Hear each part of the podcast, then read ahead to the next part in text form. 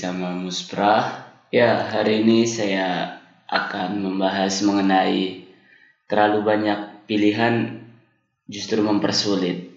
Pernahkah kalian bersama seseorang yang memiliki beragam pilihan dalam hidupnya? Atau mungkin itu kalian sendiri? Saya salah satu orang yang memiliki beragam pilihan yang ingin dilakukan setiap harinya, seperti membaca buku, menonton film, dan menonton konser musik via digital.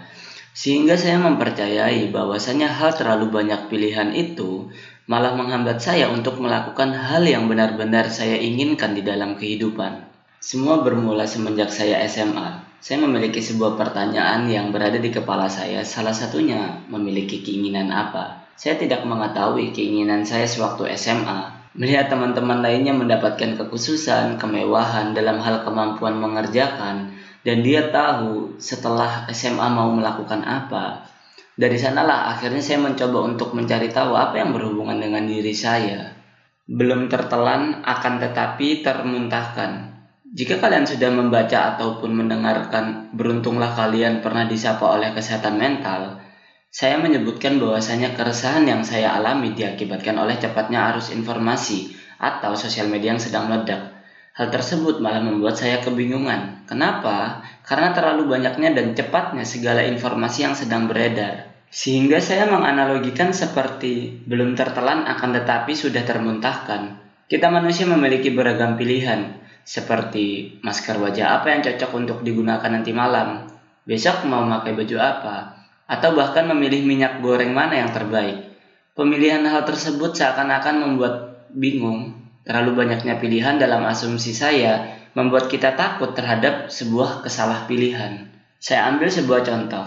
Kalian memiliki beragam rasa dalam masker wajah, kokoa, kopi, green tea, hazelnut, atau apa pun.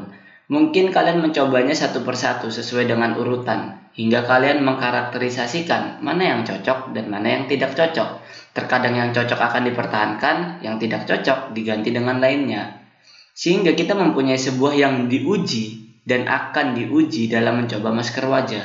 Pertanyaan yang berada di kepala saya, apakah itu diperlukan? Kita tidak mengetahui perbedaannya di mana kecuali jika sudah mencobanya. Menguji coba dalam asumsi saya mempertahankan yang cocok, membuang yang tidak cocok. Sekali lagi, membuang bukan berarti menggantikan. Akhirnya kita memiliki varian rasa masker berdasarkan uji coba sebelumnya. Anggap saja kita mengambil asumsi terdapat tiga rasa. Pertama yang digunakan pagi, kedua digunakan untuk sore, ketiga digunakan untuk malam. Sekarang varian rasa kita semakin menyempit dan sesuai dengan kategorisasi pribadi kita. Kita tidak mengalami kebingungan akan memakai varian apa, tapi ingat sekali lagi itu hanya asumsi saya. Jika kalian mengenal istilah konsep minimalisme, seperti ini menurut saya secara singkat, mengurangi hal yang tidak penting, fokus terhadap sesuatu yang memiliki nilai. Hal tersebut mempengaruhi saya sampai hari ini, sehingga saya jarang menggunakan handphone dan menghapus beberapa aplikasi yang tidak saya gunakan. Hingga sampai pernah muncul sebuah pertanyaan, kenapa saya memiliki handphone? Semua terjawab dikarenakan saya butuh berkomunikasi dengan seseorang atau apa pun lainnya. Dalam pandangan saya, handphone masih berguna dan dia masih memiliki nilai. Konsep tersebut akhirnya lama-kelamaan saya pelajari, memilah-milah yang benar-benar memberikan sebuah nilai, salah satunya seperti menghabiskan waktu dengan cara seperti apa, sehingga saya melakukan sesuatu jika hal tersebut memberikan sebuah nilai, membeli barang yang memang diperlukan, menggunakan barang yang sampai barang tersebut kehabisan nilainya. Jika kalian pernah membuka Netflix ataupun saya, mungkin pertama kali yang kita lakukan melihat-lihat dulu film yang terdapat di dalamnya, hingga mungkin kita kebingungan mencari film apa yang benar-benar ingin kita tonton. Rasanya seperti itu memiliki beragam pilihan, akan tetapi kita kebingungan di dalam pilihan.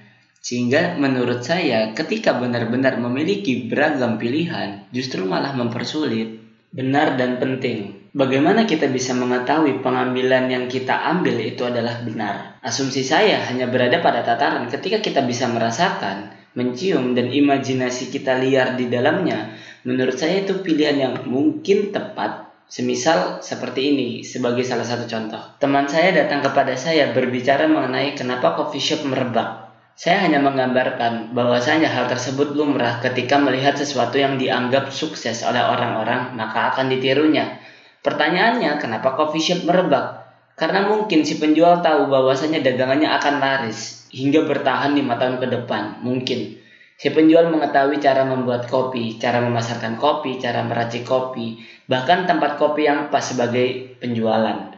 Sehingga saya hanya berasumsi jika imajinasi kita liar, kita bisa mengetahui, mencium, dan sebagai macamnya, memikirkan hal yang terburuk dalam skenario penjualan kopi, maka asumsi saya itu pilihan yang mungkin tepat. Semisal kalian melihat orang-orang yang besar dalam bidang berbeda, seperti Pramudia Anantatur, salah satu penulis terbaik dalam hidup saya, Lionel Messi, salah satu pemain bola dengan penuh magis, Stephen Curry, salah satu pemain basket dengan handle dan three point all of time versi saya, The Beatles, salah satu band dengan lirik-lirik dan empat personil yang penuh dengan kejeniusan. Mereka melakukan hal yang benar-benar mereka inginkan, mereka pilih, mereka lakukan mereka melakukan hal yang benar-benar penting yang mereka anggap dan benar dalam anggapan mereka. Tidak salah, mereka menjadi terbaik dalam bidang-bidang mereka. Dari mana kita mengetahui hal penting itu? Pertanyaan tersebut dalam asumsi saya seperti kalian akan menuju ke mana jika sedang lapar? Tempat apa yang terlintas dalam benak kalian pertama kali? Saya mengambil sebuah contoh. Dekat rumah saya terdapat penjual dengan ayam goreng yang enak. Saya selalu memilih tempat tersebut menjadi pilihan saya ketika kelaparan malam hari. Karena saya tahu bahwasannya ayam goreng tersebut tidak akan pernah mengecewakan. Mungkin pernah mengecewakan, akan tetapi saya tetap kembali karena mengetahui kualitas ayam goreng tersebut. Jika kedua kali rasa ayam gorengnya benar-benar berubah dari sebelumnya enak menjadi biasa, bahkan tidak enak, maka jelas saya akan bertanya kepada penjualnya. Akan tetapi jika berubah tetap enak, maka tanpa pikir panjang saya akan tetap membelinya lagi. Sehingga saya berasumsi bahwasanya mengetahui hal yang penting harus merasakannya terlebih dahulu. Anggap saja kalian tertarik kepada profesi supir. Kalian belajar menjadi supir yang handal, memikirkan segala tikungan agar si bos kita dapat sampai dengan selamat. Kalian merasakan bahwasanya dalam pekerjaan tukang supir sebagai penyelamat tulang punggung keluarga. Sehingga kalian akan mencintai pekerjaan kalian ketika kalian merasakannya maka secara tidak sengaja makna tersebut hadir di dalam pekerjaan yang sedang kalian kerjakan. Bagaimana jika kita tidak memiliki sebuah keinginan? Saya berasumsi bahwasanya mungkin kita tidak menyadarinya atau mungkin kita tipe orang pemilih. Ah, saya bukan orang seperti itu atau kalian tidak mengenal saya. Ah, itu tidak mungkin sesuai dengan saya. Menurut saya, kita hanya tidak menyadarinya. Kenapa? Karena itu sangat dekat Pernahkah kalian mendengar detail is important? Karena kita selalu melihat sebuah gambaran besar. Kita jarang melihat hal yang kecil yang berada di sekeliling kita. Sebagai sebuah contoh, pernahkah kalian membeli sesuatu lalu lupa untuk mengambil uang kembalian? Atau bahkan mengambil uang di ATM lupa untuk mengambil kartu tersebut? Atau mungkin kalian pernah mengambil sebuah barang karena kalian percaya tanpa membaca terlebih dahulu barang tersebut padahal memiliki fungsi yang berbeda-beda. Contohnya pulpen. Saya berasumsi kita hanya melihat sebuah gambaran besar. Kita hanya ingin mengambil barang dari yang kita beli sehingga uang terlupakan. Kita hanya ingin mengambil uang dari mesin ATM sehingga kartu tersebut terlupakan. Kita hanya ingin mengambil pulpen tanpa mengetahui kegunaannya untuk apa, berapa diameter dari lancip sebuah pulpen dan sebagainya. Kita hanya menginginkan sesuatu tersebut yang lain terlupakan. Lantas kenapa kita bisa tidak menyadarinya Asumsi saya karena kita beranggapan bahwasannya sesuatu tersebut sudah menjadi milik kita.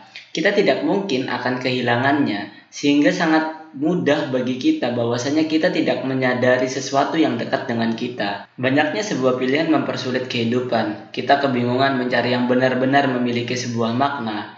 Kita hanya melihat sebuah gambaran besar tanpa memperdulikan gambaran kecil yang tercecer. Mencari sebuah makna dalam kehidupan menurut asumsi saya seperti kita sedang bermain puzzle. Kita mencari puzzle-puzzle tersebut satu persatu, kita letakkan secara pelan-pelan dalam waktu yang cukup lama. Karena jika itu bermakna, kalian tidak akan mengalami sebuah kebosanan.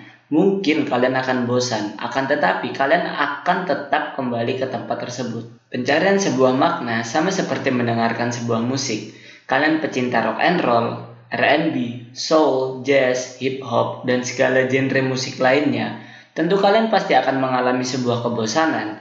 Akan tetapi, kalian akan kembali ke tempat yang benar-benar kalian nyamankan. Anak rock and roll akan kembali ke rock and roll, R&B pun sama, soul, jazz, hip hop pun sama, meskipun pernah mengalami kebosanan. Sehingga hal tersebut menjadikan kalian bermakna. Kita akan kembali ke tempat tersebut karena kita tahu bahwasannya itu seperti gambaran kita. Mungkin tidak sebuah makna akan luntur. Asumsi saya mungkin jika terdapat sebuah peristiwa ataupun sesuatu cerita yang traumatis dalam pengalaman sewaktu hidup atau skenario terburuk menyerah karena beberapa hal tersebut yang menurut asumsi saya bisa melunturkan sebuah makna. Semisal jika Lionel Messi tidak menambah tinggi badannya, maka dia tidak akan bisa bermain sepak bola dalam dunia profesional. Imajinasikan jika Messi sewaktu hari itu tidak melakukan hal tersebut.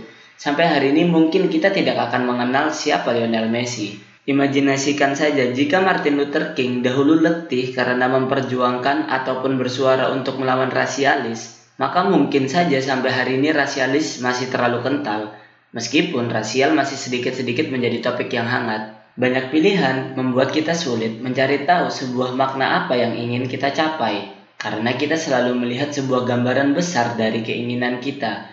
Kita mungkin melupakan sebuah detail kecil yang berada di sekeliling kita, sehingga kita menganggap kita tidak memiliki sebuah keinginan apa pun. Asumsi saya mencari tahu apa yang sesungguhnya dicari, seperti membangun rumah, tidak langsung membangun atap, akan tetapi lantai, pondasi, dinding, hingga menuju atap.